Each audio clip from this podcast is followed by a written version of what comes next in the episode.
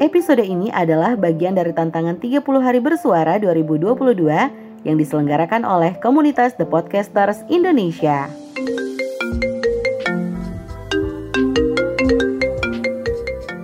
Halo, Halo, Rin. Hmm, gue sedih tapi kesel, Rin. lah, apalagi sih lu Kurnia Mega Mendung? Kenapa? Mendung lagi hati lu? Ih, iya bener lagi lu, Rin. Astaga, kok sabi sih?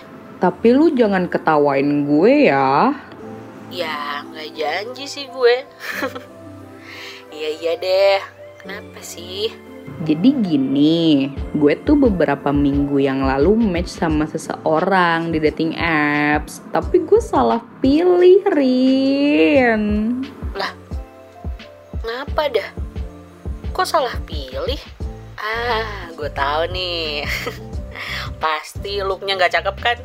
Bukan Rindai, tapi ternyata dia pewong. Ganteng-ganteng cinta Laura, say. Ya, once, once. Itu sih lu nggak salah pilih.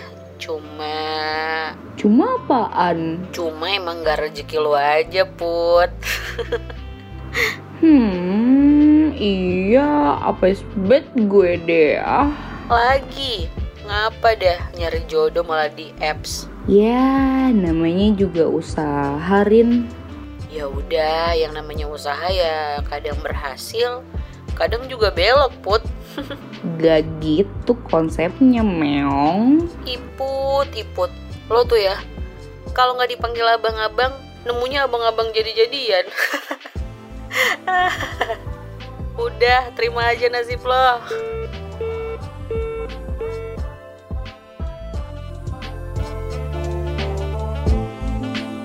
Hai pendengar sejati, terima kasih sudah mendengarkan episode ke-23 dari Terbiasa Bersuara spesial untuk 30 hari bersuara 2022.